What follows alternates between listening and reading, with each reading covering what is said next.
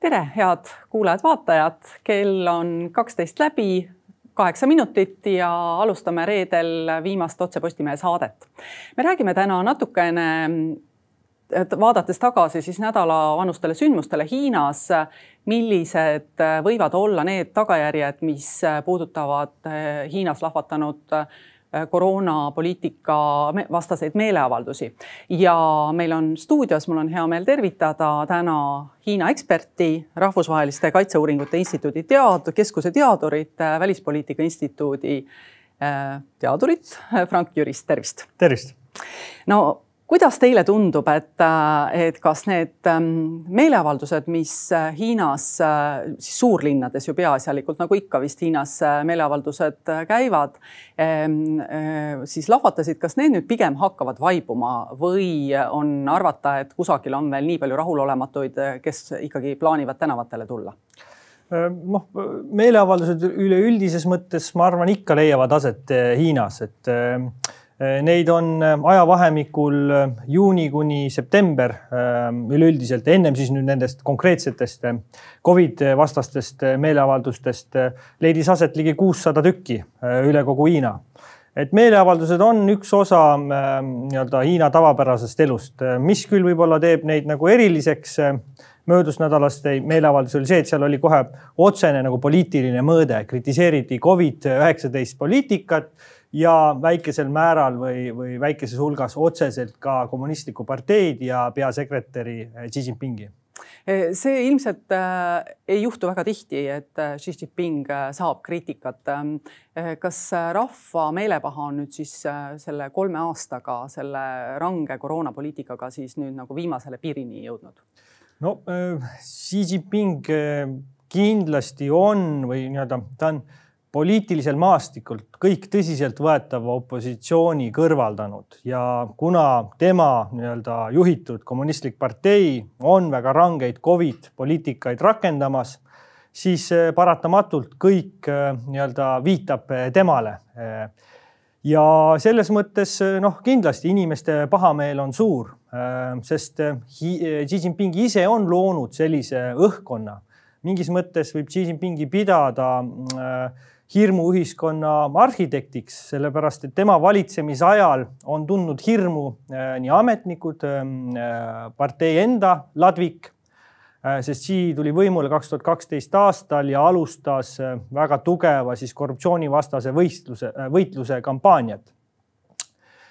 Noh, selle kampaania käigus ka siis kõrvaldati igasugune tõsiseltvõetav opositsioon aga äh, selle tulemusel on Hiinas hea valitsemise märgiks äh, nii kohalikul tasandil, äh, kõrgemal tasandil on saanud absoluutne lojaalsus Xi Jinpingile. enam ei ole oluline majanduskasv või nii-öelda või poliitiliste või noh, nende protestide vähesus, vaid eelkõige lojaalsus ja, ja kuna ametnikud kardavad, et nad ei näi piisavalt lojaalsetena Xi Jinpingile siis selle tulemusel võib-olla on ka rakendatud ebamõistlikke koroonapiiranguid. noh ja ebamõistlike all ma pean seda, et Covid meetmed, mis on siis eelkõige mõeldud rahva tervise kaitsmiseks, vastupidi, ohustavad seda, et need protestid lahvatasid Xinjiangi pealinnas Urumqis, kus kohalikud olid siis Covid meetmete raames sulgenud ka tuletõrjevaru väljapääse ja äh, kui me natukenegi mõtleme Hiina kokakunsti peale, äh, kus siis äh, küpsetatakse tihtilugu lahtisel leegil, fritüüritakse õli sees, siis need tulekahjud on üsna kerged tekkima. aga noh, see kindlasti on inimestele närve sööv, kui sa elad kolm aastat vahelduva, noh, umbes kolm aastat vahelduva eduga väga rangete piirangute näol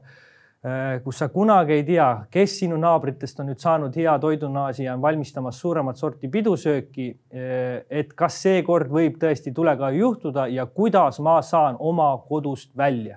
ehk äh, need meetmed, mis on nagu esialgu mõeldud rahva tervise kaitseks, vastupidi, teatud kohtades on toonud kaasa palju traagilisemaid tagajärgi kui Covid haigus ise no see me natuke meenutab seda, kuidas poliitikud mõnikord tahavad olla koroonaeksperdid ja jätavad teadlased kuulamata. ma rääkisin eile ka Eesti suursaadiku Hannes Hansoga, noh, kuna tõepoolest praegu ju Pekingis on kell alles kuus ja mõned minutid peale, et äh, las äh, inimesed magavad tervislikku und. aga igal juhul Hannes Hanso ütles seda, et, et tõepoolest ka Pekingis oli väljaastumisi. praeguseks on nad vaibunud, ka tema ei tea, et, et nad kasvaksid. küll aga on tänavatel näha siis autosid, kes siis sisejulgeolekut turvavad ja neid on päris palju nüüd, äh, nüüd, et kuhu asjad edasi lähevad, äh, ta ei oskagi öelda, ütles, et äh, me peame lugema välismeediat, sellepärast et Hiina ajalehtedes ju teadupärast midagi ei kirjutata. natuke võib-olla oli siis juttu sellest, et kusagil mingites omavalitsustes võib-olla on mindud nende piirangutega liiale. no mida välismeedia arvab äh, sellest kogu sellest koroonapoliitikast ja, ja milleni see võib siis ikkagi viia, et, et, et tõepoolest, kui jätkata nüüd nendesamade piirangutega, talv on ees, selge see, et viirus levib, ega sellele kätt ette ei pane. milleni see viib? Äh, noh, peamised põhjused, mis tuuakse, et miks Hiina on rakendamas sellist koroonapoliitikat, nagu ta on rakendanud, ähm, tuuakse välja siis see, et Hiina enda vaktsiinid äh, on ebatõhusad. Ähm, teise põhjusena tuuakse välja seda, et vanema elanikkonna hulgas on vaktsineeritud, vaktsineerituse tase on üsna madal ja, ja noh, ma arvan, vast võib-olla kõige olulisem ähm, on see, et äh, Hiina tohutu rahvaarv et kui me mõtleme selle peale, et meie olime mures, et meie meditsiinisüsteem ei suuda äh, noh, hüppeliste nakatumiste juhtumitega toime tulla, siis äh, Hiina äh, rahvastik on tuhat korda suurem, üks koma kolm miljardit, et, et see on tõsine põnts võib-olla isegi noh, meditsiini mõttes ma arvan, et läänest mahajäänuma nii-öelda meditsiin, meditsiinisüsteemiga üleüldises mõttes et eh, noh, muidugi tore oli vaadata eh, koroonaviiruse äh, puhangu esimese laine ajal, kuidas Hiina demonstratiivselt rajas kahe nädalaga äh, koroonahaigla.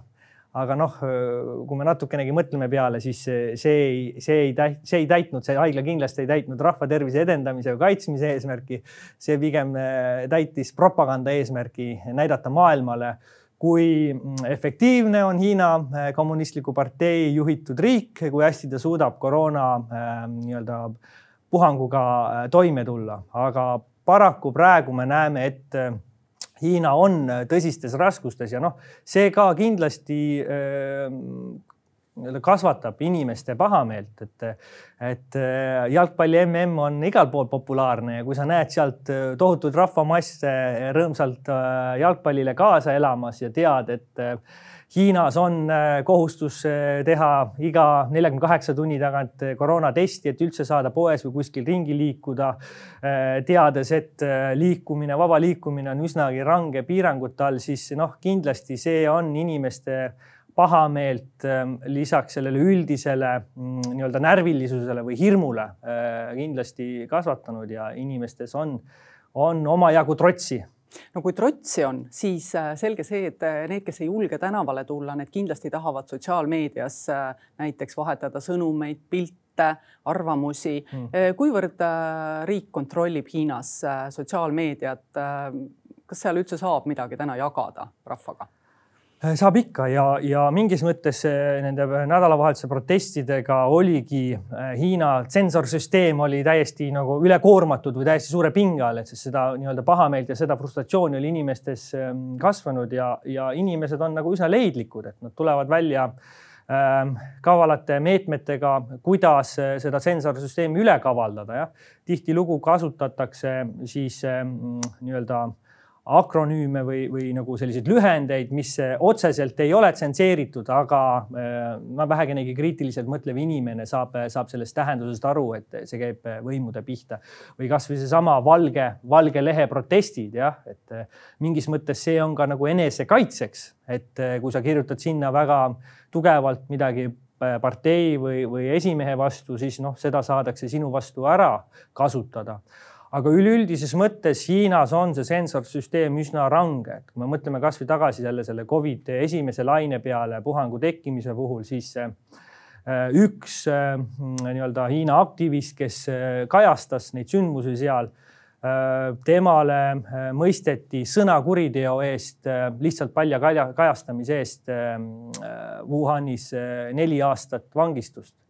et see on üsna karm ja üks võib-olla kõige niisugusem markantsem näide on äh, on Xinjiangist, kus äh, äh,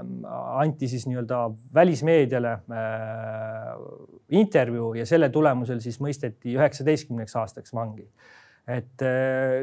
need inimesed, kes tänavatel protestisid, kes oma meelsust väljendasid, nad väga tõsiselt nii-öelda mm, riskisid enda heaolu ja, ja tulevikuga Ehm, üldiselt Hiina võimud ju välismaalasi ei puutu, käib ikkagi see, et äh, neid küll jälgitakse, kui nad äh, ei käitu nii, nagu äh, Hiinale meeldib, siis nad ei saa võib-olla tagasi tulles enam viisat. aga kiusatakse siis taga neid kohalikke, kes selle välismaalasega seotud on. no nüüd see Briti ajakirjaniku peksmine, et millest see siis võis johtuda, et kas ei saadud tõesti aru, et ta on ajakirjanik? Et ta on välismaalane? raske öelda, mis täpselt selle põhjustas, aga ma arvan, et see on üsna kõnekas, et äh, Hiina on liikumas äh, sinna suunas, et ähm, nii-öelda välismeedial on seal üsna, üha raskem tegutseda. Äh, noh, Xinjiang on vast võib-olla kõige kuulsam näide, et sinna ei ole saanud ju välismeedia vabalt, vabalt kajastama minna juba mitu aastat. mis puudutab just uiguure ja ümberõppeasutusi ja uiguuridega seotud inimõiguste rikkumisi ja, ja noh, selles mõttes noh, seda konkreetset intsidenti ma ei oska kommenteerida, aga jah, ma olen teadlik sellest, et, et Briti ajakirjanikuga niimoodi seal käituti noh, sama on meil ka Tiibetis, eks, kus, kus tegelikult me ei tea, mis seal täpselt toimub. ma lugesin küll hiljuti ühte artiklit, kus olid väga pahased, olid need võõrtöölised Hiina sisemaalt, kes viiakse sinna tööle, kes olid siis jäänud samamoodi vangi Äh, neil ei olnud tööd, leiba, nad ei saanud, saanud koju raha saata, aga no ütleme, et see on siis selline nagu, kui puid raiutakse, siis lastud lendavad, niisugune poliitika ilmselt. jah, et eh, noh, tihtilugu või üks eh, noh, väga sagedasi põhjusi Hiinas aset leidvatel meeleavaldustel ongi just töövaidlused, töövaidlustega seotud protestid. et see nädalavahetuse eelneval ajal kajastati meedias päris palju Apple'i tehast Zhengzhous, noh, seal oli samamoodi mingid arusaamatused äh, palgamäära üle, äh, siis seal värvati uusi inimesi, need, kes kohale jõudsid, siis äh, tuli välja, et see palk oli poole väiksem ja sellest tulenevalt siis noh, koroonapiirangud lisaks veel. sealt need mässud või meeleavaldused Zhengzhous algasid aga, aga see on jah, tõsine probleem, et aga seal tuleks ka nagu äh, vahet teha, et, et päris tihti äh, nii-öelda üritatakse või ekslikult arvatakse, et, et, et seal Urumqis, Xinjiangi pealinnas need protestid said alguse, et, et vot nüüd on need äh, hiinlased on hakanud lõpuks ometi nii-öelda südant valutama ka vähemusrahva tervise pärast või nende heaolu olukorra pärast aga need, kes seal protestisid, olid ikkagi pigem äh, han-hiinlased ja protestisid Covid äh, rangete meetmete vastu, sest nad olid sada päeva olnud äh, piirangute all elanud, et, et ma arvan, et see on veel ennatlik ennatlik öelda, et hiinlased muretsevad või tunnevad sügavat muret kas tiibetlaste, uiguuride või, või mõne muu teise vähemusrahvuse pärast mis edasi võiks saada, et äh, kuidas te, mida te prognoosite, et kas need lihtsalt vaibuvad vaikselt, need Covid protestid, inimesed harjuvad ära mm., äh, häälekamad pannakse vangi äh, ja elu läheb edasi äh,? no ma ise arvan, et äh, kuna Hiina seisab äh, väga suurte nagu struktuursete probleemidega vastamisi, äh, noh Äh, üks kriis teise otsa, majanduskriis või noh, see kinnisvara, äh, kinnisvarakriis, äh, energiakriis, toidukriis, siis väga rasked ilmastikuolud alles hiljuti põuad, et neid kriise on omajagu ja ei ole enam nii lihtne samasuguseid majanduskasvu näitajaid näidata. ja kuna majandusküsimustele mingeid lihtsaid kiireid lahendusi ei ole siis suure tõenäosusega äh, Xi Jinping äh, jätkab sellise tugeva kontrolli äh, ühiskonna sisevälisvaenlaste otsimise ja, ja mingis mõttes võib öelda, et et kui varasemalt on see sotsiaalne kokkulepe peaasjalikult seisnenud siis noh, nii-öelda Hiina majanduskasvust osasaamises, mille tulemusel siis noh, nii paljudki olid nõus tegema järeleandmisi põhiõigustes aga kuna majanduskasv enam ei mm, näita sarnaseid tulemusi, äh, siis äh, noh, see osa kokkuleppest, nii-öelda näilisest kokkuleppest enam ei, ei päde. Ja ma ise arvan, et pigem tuleviku, noh tuleviku perspektiivi mõttes see kontrolliühiskond, hirmuühiskond jääb domineerima, et äh, partei kindlasti ei ole huvitatud mingisuguseid totaalseid järeleandmisi tegema, oma võimutäiusest loobuma või midagi taolist. Ja äh, ma ise arvan, et on oma rehkenduses teinud sellise järelmi, et, et kui, äh, kui, kui, kõik teist mind ei suuda armastada, äh, noh siis vähemalt tundke hirmu no ei tundu just väga helge vaade, aga nüüd, kui välisvaenlaste otsimisest rääkida, et kas see võib mõjutada ka Hiina välispoliitika muutust, et noh, selge see, et, et need pinnavirvendused, mis praegu siis sisepoliitikas on, ma mõtlen just väljaastumiste näol, et, et need ilmselt ei ole põhjus, et Hiina oma mõjutustegevust mujal maailmas kuidagimoodi muudaks nojah, pigem kui mõelda kasvõi nende protestide peale, siis Hiina on väga kaval eh, või väga kiire neid proteste, protestide põhjustajana süüdistama välisjõude. et eh, noh, kui me mõtleme tagasi mitte väga pika aja peale, kõige suuremad eh, lähiajal toimunud sündmused äh, olid Hongkongis, Hiina siis autonoomses piirkonnas ja seal tulid protestide jooksul tänavale ligi kolm miljonit inimest noh, siis seal ka kiiresti süüdistati nende protestide põhjustajana CIA-d, USA luurajaid, noh. Äh, need peavad ikka olema päris võimekad luurajad, kes suudavad kolm miljonit inimest äh, tänavatele tuua. ja, ja peaaegu nii, et keskvõim ei märka jah, või, või siis ei sekku, et ja. ei sekku varajases staadiumis. et ja, ja ka nendes praegustes protestides on seda, seda nagu rõhutatud, et äh, Äh, protestijad ise on öelnud, et, et mis välis, välisjõududest või mis välismõjutusest te räägite, et kas CIA pani siis selle korterelamu Urumqis tuletõrje väljapääsu kinni, et inimesed ei saaks ära põgeneda? Äh, ja, ja, ja, ja väljaspoolt tuleva mõjutuse teemal, noh Äh, seal on ka küsitud, et, et äh, või osad protestijad on nõudnud ligipääsu lääne filmidele, et, et me ei saa suheldagi, me ei saa lääne suhtlusvõrgustikke või meediat kasutadagi, et kuidas meid suudetakse mõjutada. et noh, see kõlab sinna absurdsuse või selline noh, kui nagu nii kaugele minna, siis võib öelda ka, et Äh, Eesti äh, öölaulupidu Laurev revolutsioon, et see oli CIA poolt korraldatud, et äh, no see on selline autoritaarsete riikide, Venemaa, Hiina poolt standardne lähenemine, et inimestel endal mingit iseseisvat mõtlemisvõimet, initsiatiivi ei saa olla, et nad on lihtsalt välise mõju, mõjutajate poolt nii-öelda pilla-palla lükatav. Eh, aga nüüd äh, veel teiste riikide juurde tagasi tulles, mhm. et, äh, et noh, näiteks äh, USA ja Hiina vastasseis on ju üldteada mm. -hmm. samas eelmisel nädalal saime lugeda Briti väljaandest The Spectator, kuidas USA ja, ja Hiina pidasid märtsis läbirääkimisi just nimelt Ukraina sõjas noh, edasiste sammude üle ja justkui lepiti kokku, et kuna see oli Hiina soov, et USA ei anna Eh, moodsat relvastust. Eh, no ma ei tea, kas miiglennukid on nii moodne relvastus enam, aga moodsa, suhteliselt moodsam mm. relvastus ei anna siis Ukrainale ja, ja alguses justkui pidi antama ja pärast siis ikkagi ei antud, et, et minu küsimus on, et kas, mis te arvate, et kas need sellised läbirääkimised teatud teemadel siiski no ütleme, selliste vastasseisu ei arvesta ja ikkagi käivad jätkuvalt? Mhm. no ma olen selles kindel, et suhtlus kindlasti käib, aga Äh, mille osas ma soovitan olla ääretult ettevaatlik, on, ähm, kuidas neid ähm, suhtlusi või kuidas neid äh, kuvatakse, jah, sest Hiina on, äh, on huvitatud mingis mõttes nii-öelda välissuhtluses, eriti mis puudutab suhtlust läänega, USA ja Euroopaga esitada endast ähm, kuvandit kui nii-öelda erapooletust sõja või sellest rahu pooldajast riigist aga kui me vaatame eh, nii-öelda Hiina ja Venemaa omavahelist kahepoolset suhtlust, noh, siis sealt on kumanud läbi hoopis teised sõnumid. Eh,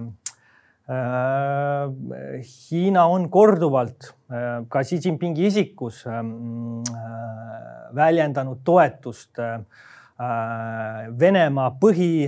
põhihuvidele või põhi, põhimuredele Ukrainas, Ukrainaga seoses. on saanud aru Venemaa julgeolekumurest seoses Ukrainaga. Ja, ja seda on avaldatud mitmetel platvormidel, mitmetes formaatides ja, ja mm, need sellised katsed, ähm, mis ka meie meedias on päris tihti läbi läinud, et, et nüüd äh, mul üks hästi kõnekalt meelde jäi, oli, et Mariupoli teatri pommitamisega on ähm, äh, Hiina jaoks äh, punane joon ületatud, et ta lõpetab Venemaa toetamise noh, see oli ikkagi sõja päris seal selle alguse, alguse faasis ja, ja me seda ei ole näinud. küll, mida me oleme näinud, et kasvõi kui me mõtleme propagandasõja peale, mõjutustegevuse peale, siis seal on Hiina Venemaal andnud abikäe, levitades oma kanalites Venemaa propagandat nii sõja algust puudutavate nii-öelda ajendite toetuseks samamoodi rõhutades, et et äh, Ukrainas vist võisid olla mingisugused CIA biolaborid äh, ja, ja nii edasi. et, äh, et selles osas tasub olla ettevaatlik, sest noh, Hiina kindlasti ei ole huvitatud lääne sanktsioonidest, et kui ta nüüd peakski sõjalist abi andma Venemaale, et, siis ta satuks ise Äh, USA, Euroopa sanktsioonide all, et seda kindlasti mitte ja siis ta ongi väga kavalalt äh, räägib ühte juttu äh, läänele ja räägib teist juttu Venemaale. Et ja, ja meil Euroopa Liidu, NATO liikmesriigina kindlasti tasub ikkagi jälgida seda, mida nad omavahel räägivad eelkõige, sest noh, kasvõi sõja põhjusena Ehm, Hiinas äh, sarnaselt vaadatakse Venemaale, sõja põhjusena nähakse NATO laienemist. noh, paratamatult meie NATO liikmena siis ehm, sellega satume nii-öelda vastaspoole või vastasleeri äh, liikmete äh, hulka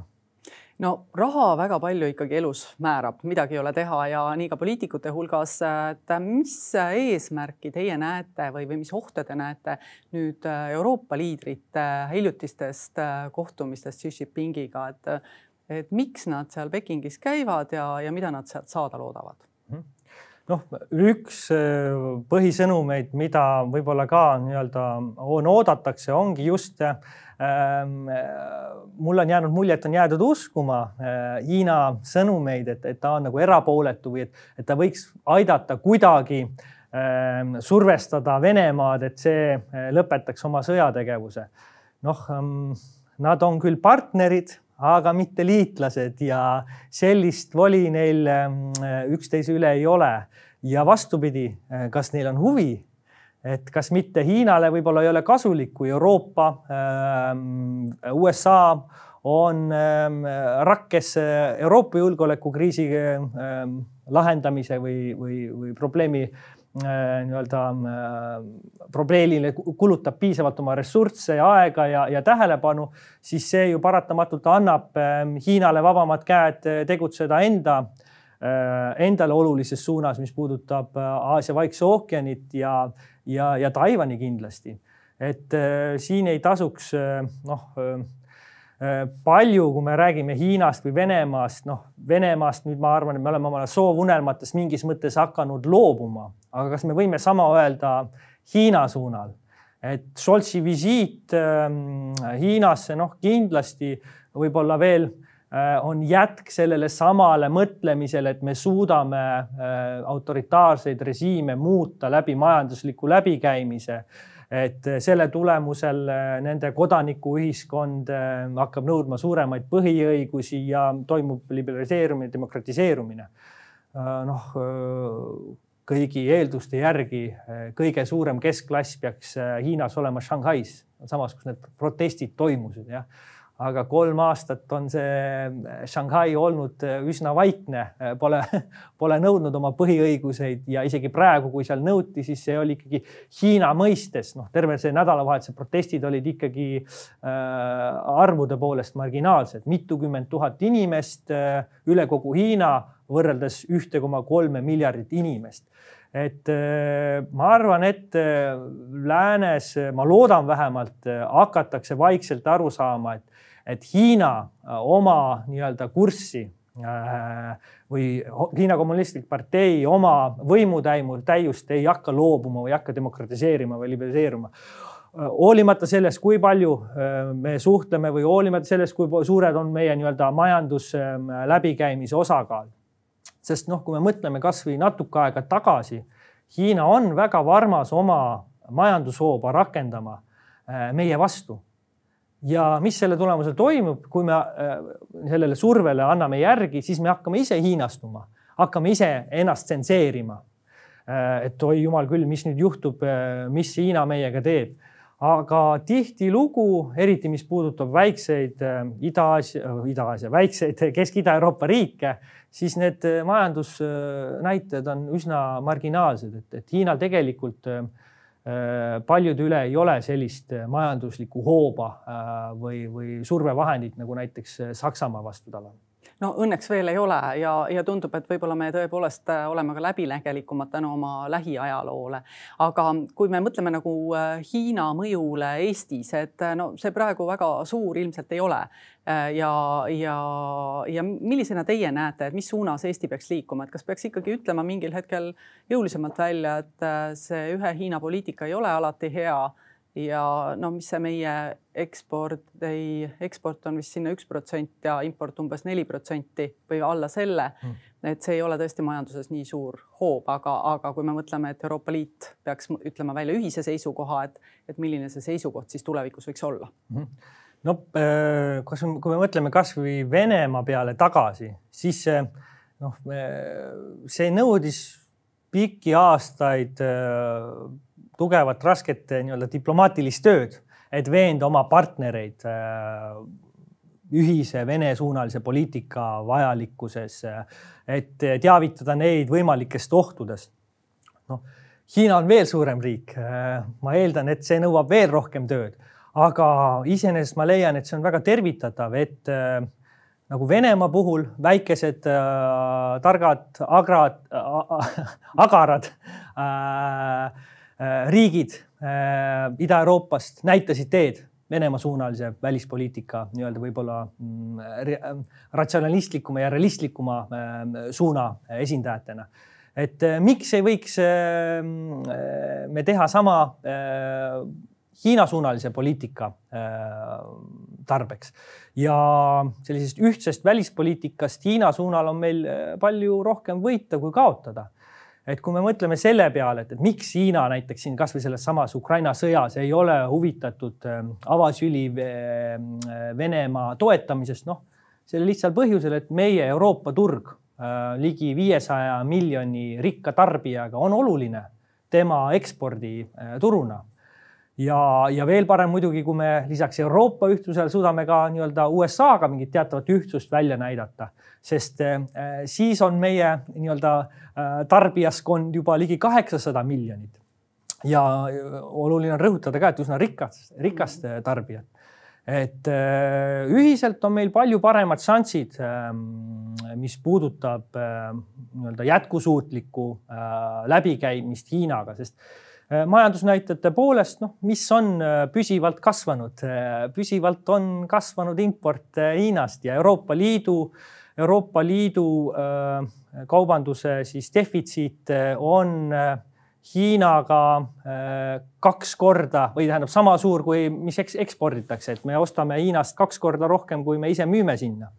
Et ja, ja pikka aega on Euroopas noh, eelkõige siis suurtel Euroopa riikidel Äh, murekohaks ja tüliõunaks see, et Euroopa Liidu turule Hiinal on üsna lihtne ligipääs. aga meil oma, oma toodete või asjade müümisel sinna on palju-palju-palju erinevaid piiranguid.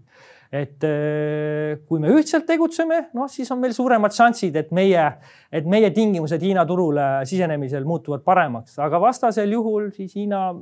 mängib meid üksteise vastu välja ja, ja äh, võtab äh, sellest nii-öelda suhtest kõige magusama osa endale no igal juhul põnev.